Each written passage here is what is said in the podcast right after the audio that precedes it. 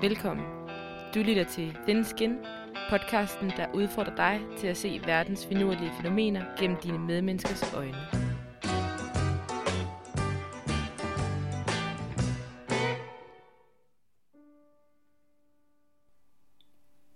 Når man bliver udsat for et chok eller et traume, kan man i lang tid efter være mærket af oplevelsen ved f.eks. tilbagevendende mareridt, depressioner og posttraumatisk stress. Alle sammen psykiske påvirkninger, der ikke altid er til at få øje på for omverdenen. Men hvad sker der, når vi oplever noget så traumatisk, at det ikke kun sætter mærker på vores sjæl, men rent faktisk også på vores krop? Som I vil høre i historien i denne episode, er det ikke så meget det, der sker, når selve chokket egentlig finder sted, men hvordan kroppen kan reagere lang tid efter, som vi har valgt at undersøge nærmere. Øhm, det, er en, jeg tror, det er en helt almindelig morgen, og jeg skal sætte mit hår, eller hvad, der, hvad det er, der lige skal ske. Og så opdager jeg, at, øh, at jeg har fået, at der er begyndt at pible små grå hår frem øhm, i mit pandehår. For at forklare dette mystiske fænomen, skal vi spole tiden 10 år tilbage. Den 31. januar 2006 var en gruppe på 200 unge mennesker fra en efterskole på Fyn taget på skiferie op i Norge nær byen Horten.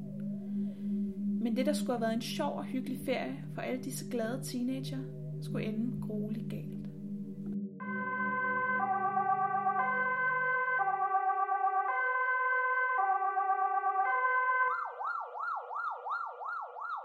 Det var tilbage i januar 2006, og øh, jeg gik på efterskole på det her tidspunkt.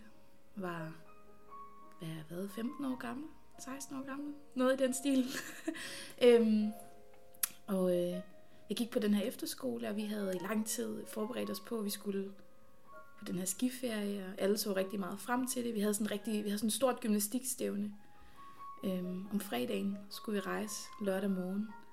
Øhm, så der var rigtig mange, der skete rigtig mange sådan store ting lige oven i hinanden. Vi havde haft en rigtig hård træningsuge op til den her, den her skiferie, så folk var på en eller anden måde helt vildt smadret der om aftenen, men man var også bare sådan helt vildt spændt på at, at skulle afsted på den her tur. Jeg kan huske, at jeg øh, kørte med mine forældre hjem om aftenen efter det her gymnastikstævne, og pakkede mine ting og stod tidligt op næste dag, og så skulle jeg afsted med den her bus på den her tur. Og hvis vi kørte sådan, ja, hele vejen op til Nordjylland og skulle på færgen, og det var bare, altså, det var sindssygt hyggeligt, og der var bare sådan en, øh, en, sådan en virkelig fed stemning, fordi nu skulle, altså, vi var jo de her 200 mennesker afsted, skulle samles om, om det her. Der var bare sådan en forventning om, at, at det her blev bare fedt, og det var noget, der virkelig sådan samlede os. Og vi havde lige haft den her fede, fede gymnastikopvisning aftenen før, og der var sådan, ja, det, det tegnede til at blive virkelig godt. Og øh, jamen, vi tog afsted og kom op til Norge, kørte med bus resten af vejen op til der, hvor vi skulle være, og blev indlogeret i nogle hytter. Øh, jeg tror, vi har boet en 7-8, nej, nu skal jeg måske forkert. Vi har boet, ja, vi har boet ni i hver hytte. Øhm, som var sådan mere eller mindre, eller mere eller mindre tilfældigt sammensatte.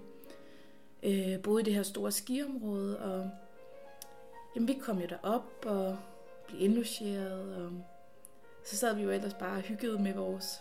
Vi havde fået aftensmad med fra efterskolen, vi skulle selv varme det i ovnen, og så var der boller i kar i den ene dag, og lasagne den anden dag, og det styrede vi sådan selv, så der var sådan en sådan dejlig, fri og afslappet stemning omkring, omkring at være der. Så er vi ellers blevet inddelt på nogle, på nogle, på sådan nogle hold efter niveau. Efter hvor god man lige var til at stå på ski, og nogen skulle på noget langrand, og nogen... Jeg tror faktisk, jo, det var, det var så meningen, vi skulle have været på alpinski senere på ugen. Øh, men vi startede ud med noget langrand, og man fik nogle instruktioner i, hvordan man lige håndterede alt det her skiløb. Med alpinski? Øh, alpinski, det er der, hvor man bare sådan står lige ned ad et bjerg. Okay. Øhm, og langrand, det er så de her mere udflugter, man er på med nogle lange, smalle ski. Øh, så det var det i hvert fald, vi brugte den første dag på. Så det var en sindssygt god dag, og man kom bare hjem med frost i øjenvipperne og sådan helt røde kinder og faldt om på sofaen og gik ind og varmede sin lasagne. Og så kan jeg huske, øh, ja, den første aften, så blev vi samlet øh, i, vi var så mange steder, så vi blev samlet to forskellige steder og skulle synge. Øhm, synge sådan en aftenfællesang. Vi samlede os rigtig tit sådan både om morgensang og om aftensang og så videre, når vi var nogle steder. Og det var jo altid virkelig hyggeligt. Jeg husker, at den aften, der sang vi den øh, sang, der hedder Gå nu nat og gå nu lige hjem. Eller Gå nu nat og gå nu lige hjem, tror jeg måske mere præcis, den hedder. Øhm, og jeg ved ikke, af en eller anden grund, så, så sidder det sådan ret... Det, det kan jeg sådan ret tydeligt huske, at det var den sang, vi sang. Og jeg ved ikke, hvorfor det sådan er noget af det sidste, jeg sådan kan huske rigtigt fra den aften. Fordi så mindede det jo bare, altså så gik vi jo hjem og, og gik i seng, og det havde jo egentlig været sådan en helt vild fed første dag på den her skitur, og det hele var jo bare lige begyndt, og det tegnede jo bare til at blive sindssygt godt. Så kan jeg huske om natten, øhm, så banker det, øh, banker det på døren. Øhm, og det var sådan lidt irriterende, fordi man ved, at ah, det er nok nogen, der er ude og være på natteranden eller et eller andet. Og det var det også. Så kommer der sådan tre drenge løbende ind, og de begynder, jeg tror de prøver sådan at pille en eller anden varme ting ned fra væggen inde på det værelse, hvor jeg sov med to af mine veninder, og vi synes egentlig bare, det var pisse irriterende, og vi ville egentlig bare gerne sove, og vi var sindssygt trætte, og vi var sådan lidt, ah, skrid nu mere. Og de ender så med at, at løbe igen, og vi, vi falder i søvn, og så lige pludselig så banker det på vinduet. Så tænker vi sådan, det magter vi ikke. ikke. Ikke engang til. Så vi bliver liggende, og så lige pludselig, så vi kan sådan høre, det er sådan ret insist, en ret insisterende banken. Og lige pludselig kan vi høre, sådan, at det er en, en voksen mands stemme, og vi genkender den her stemme, det er en af vores, en af vores lærere nede fra skolen, en der hedder Ole. Og jeg tænker sådan, hvorfor, hvorfor står Ole og banker på vores vindue nu? Jeg er sådan, sådan helt forvirret. Øh, vi står op og åbner det her vindue, og han siger sådan, ikke søde lige at gå ud og lukke mig ind. Øhm, jeg har noget, jeg skal fortælle jer. Og det var meget tydeligt sådan at se i hans ansigt, at der var et eller andet sådan, der var et eller andet fuldstændig galt. Og vi bor jo ni piger i min hytte også, og vi samlede os alle sammen inde i stuen, og man sad der med søvn i øjnene og halvt nede i sin sovepose, fordi vidste ikke rigtig lige, hvad det egentlig var, der foregik, og hvorfor kommer Ole her midt om natten. Jeg har den dag i dag stadigvæk ikke overhovedet noget begreb om, hvad klokken var på det her tidspunkt. Og Ole han samler os inde øh, i sofaerne, og så kan jeg huske, at han siger, at øh, der er en af hytterne, der er brændt. Tre piger døde i branden, der startede i tv-apparat. En på 15, en på 16 og en på 17 år. De var ni piger i hytten, men kun seks af dem nåede at komme ud, før røgen fra branden nåede at blive dødbringende. De tre piger, der ikke nåede ud, lå i deres senge i en dyb søvn, som de aldrig skulle vågne fra igen.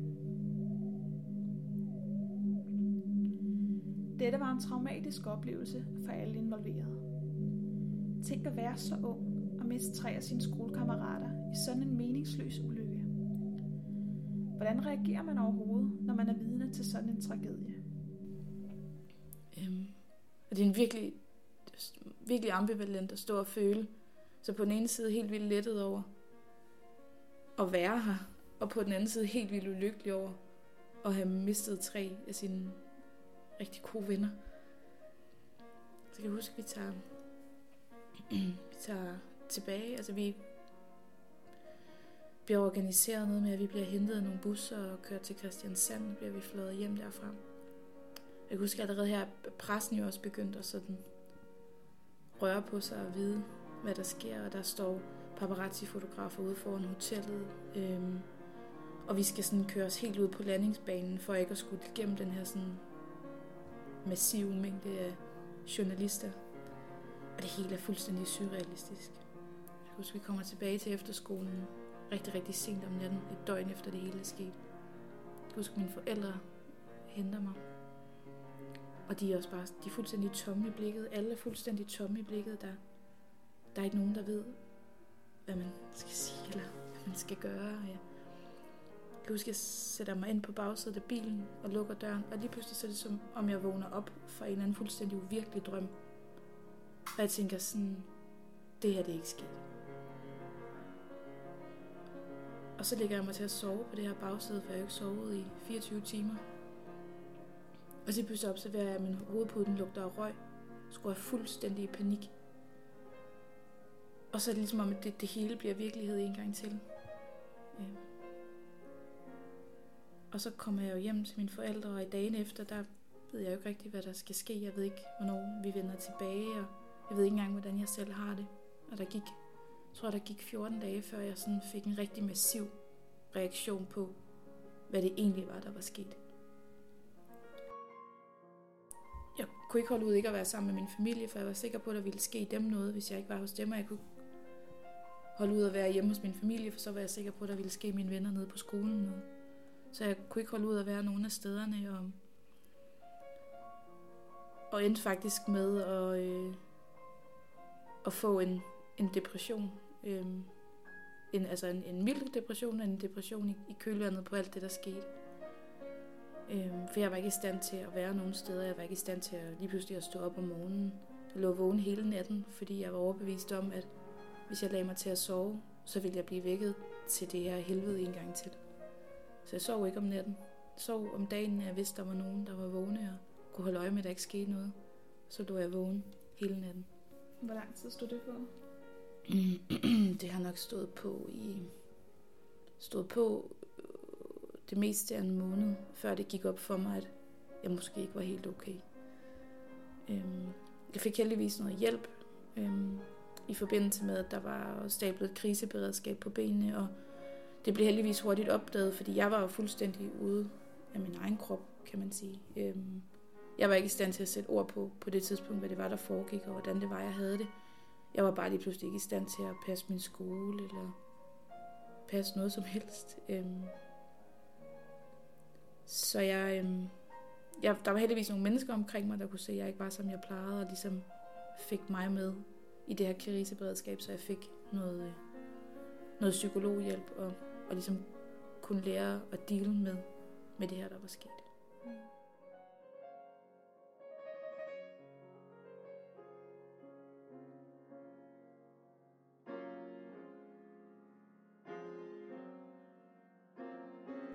Og øh, efterfølgende har du så sat et, et mærke på dig, kan man sige. Ja, for så... Øhm, ja, fordi der gik, jo, der gik jo lidt tid efter... Der gik jo et halvt år, og så var jeg færdig med efterskolen. Og så startede jeg jo gymnasiet, og det var lige pludselig som om, at så kom der en, en ny hverdag, og, og jeg begyndte sådan at komme ovenpå igen. Øhm, og lige pludselig en dag, sådan fuldstændig ved et tilfælde, så står jeg foran spejlet. Øhm, det er en, jeg tror, det er en helt almindelig morgen, og jeg skal sætte mit hår, eller hvad, der, hvad det er, der lige skal ske. Og så opdager jeg, at, øh, at jeg har fået, at der er begyndt at pible små grå hår frem øhm, i mit pandehår. Og så blev jeg først sådan helt forskrækket, eller sådan, i hvert fald, det undrede mig meget, fordi jeg havde på det tidspunkt øh, mørkere hår, end jeg har nu, så det var meget tydeligt, at der sådan spirede de her sådan kridhvide hår frem. Øhm, og så kaldte jeg på min mor og fik hende til sådan at kigge, om jeg havde det i hele håret, og jeg havde kun lige de her, jeg tror, jeg havde en to-tre stykker, sådan lige i pandehåret.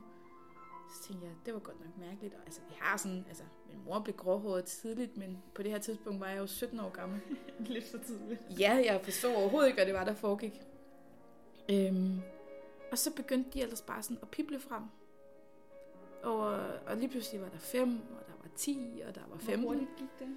Det skete over måske et par måneder, og det gjorde måske ikke, måske mindre. Altså det begyndte bare sådan, det piblede bare frem.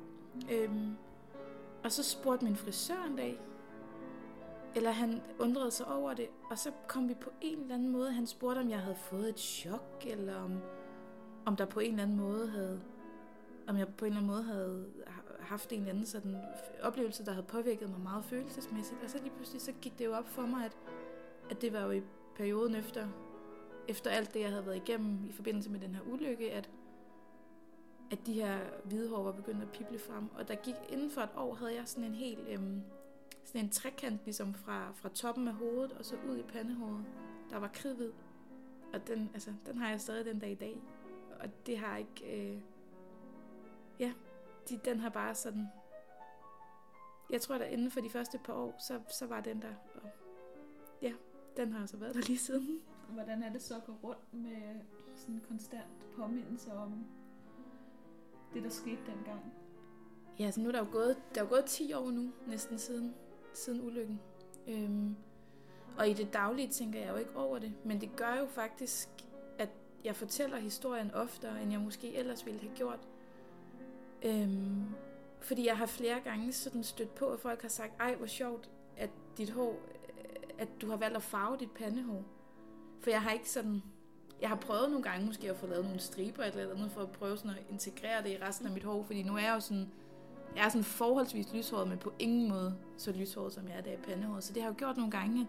Nogle frisører har spurgt, og, og også andre, der sådan har undret sig over, hvorfor mit pandehår ikke er samme farve som resten af mit hår. Og så har jeg jo på en eller anden måde, så er jeg på en eller anden måde tit endt ud i at fortælle den her historie, fordi det er mit bedste bud på, hvorfor det er blevet, som det er, fordi det var en så stor følelsesmæssig omvæltning for mig, og, og, så stort et chok, alt det, der skete, og det, det påvirkede mig så meget. Så det er ikke noget, du rent faktisk har været til lægen med, eller noget? Nej, aldrig nogensinde, fordi det er jo ikke, det er ikke på den måde noget, jeg jo betragter, har betragtet som et sygdomstegn, eller, eller noget, der på nogen måde har bekymret mig. Jeg tror bare, jeg sådan, ja, som du selv sagde også, det er på en eller anden måde blevet et, et minde om, om det, der skete dengang. Mm. Og om, og om en periode i mit liv, der i forvejen vendt op og ned på alting, så på en eller anden måde tror jeg også lidt, jeg tænker sådan, at når det påvirkede mig så meget psykisk, så er det en, egentlig ikke så underligt, at det også har påvirket mig fysisk på en eller anden, på en eller anden façon. Mm. At det er underligt, at nogle ting ikke bare sådan sætter spor i en, men også, også udenpå.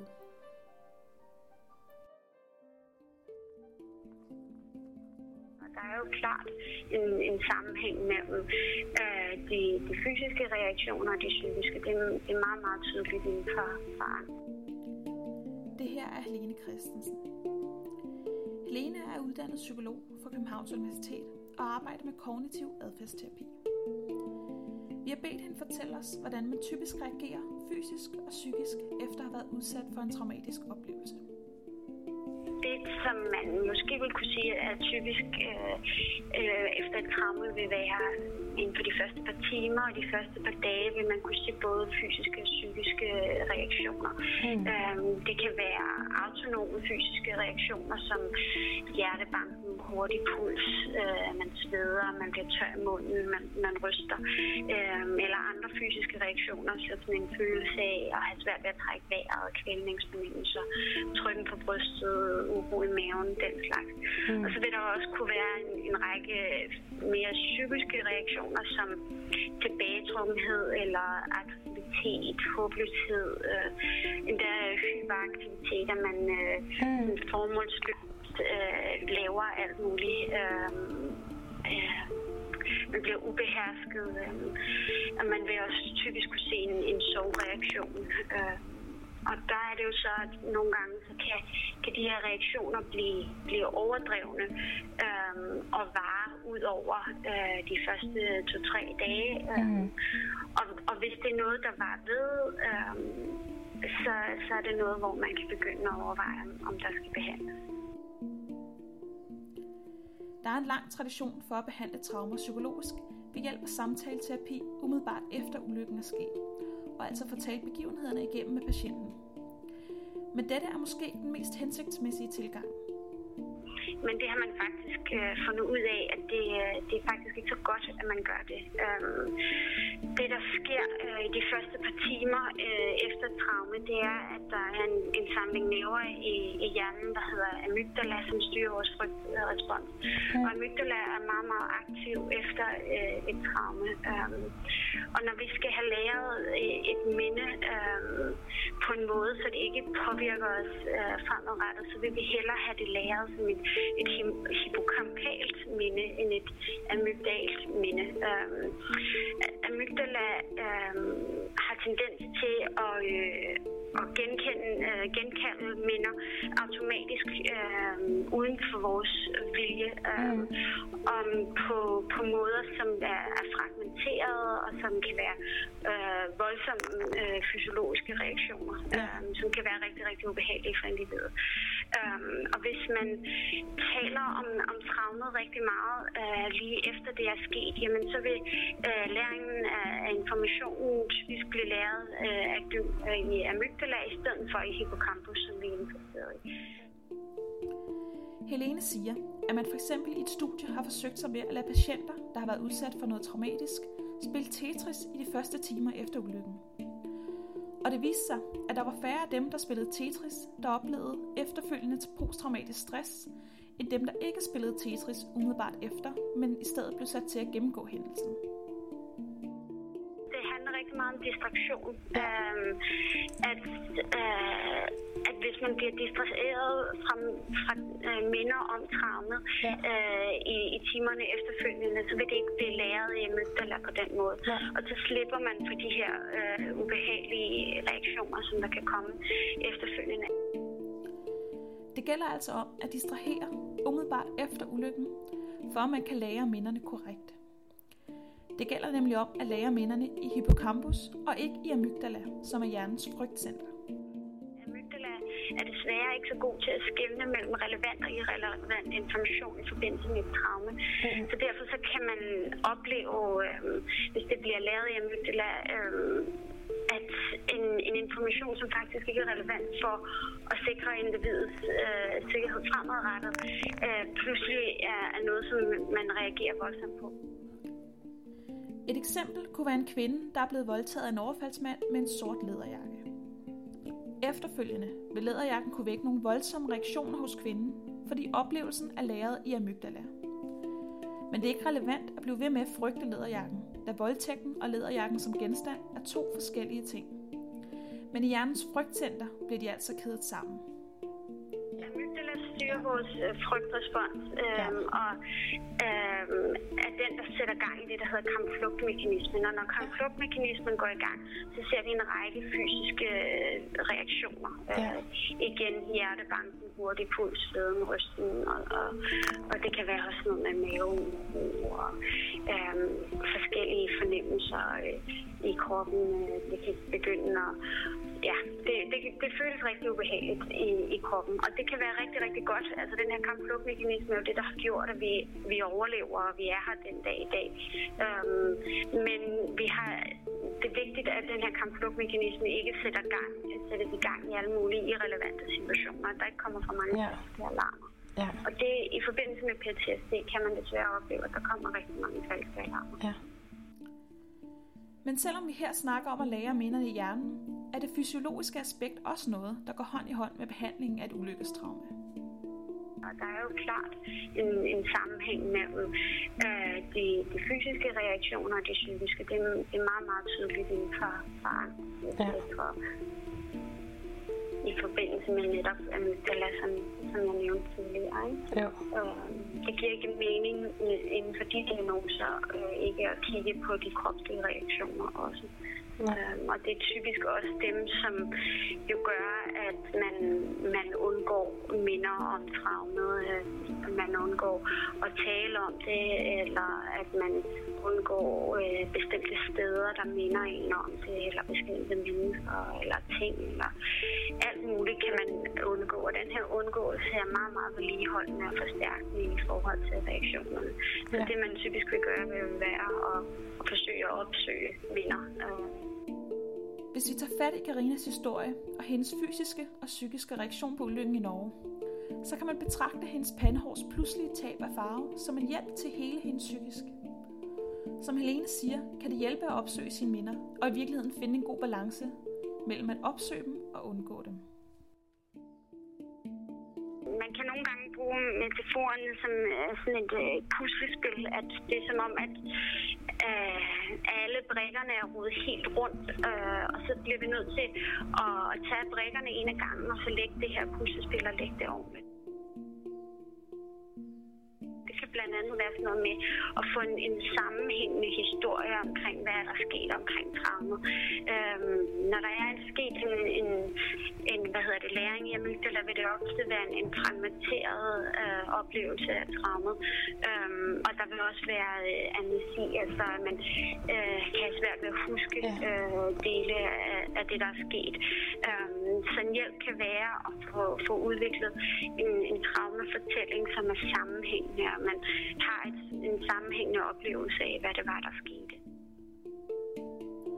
For Karina har det fungeret for hende at få lov til at fortælle historien mange gange, fordi folk netop spørger ind til hendes pandehår. Hun Hun har altså de sidste 10 år siden ulykken haft mulighed for at sortere sine minder og skabe den traumehistorie, hun delte med os tidligere i episoden.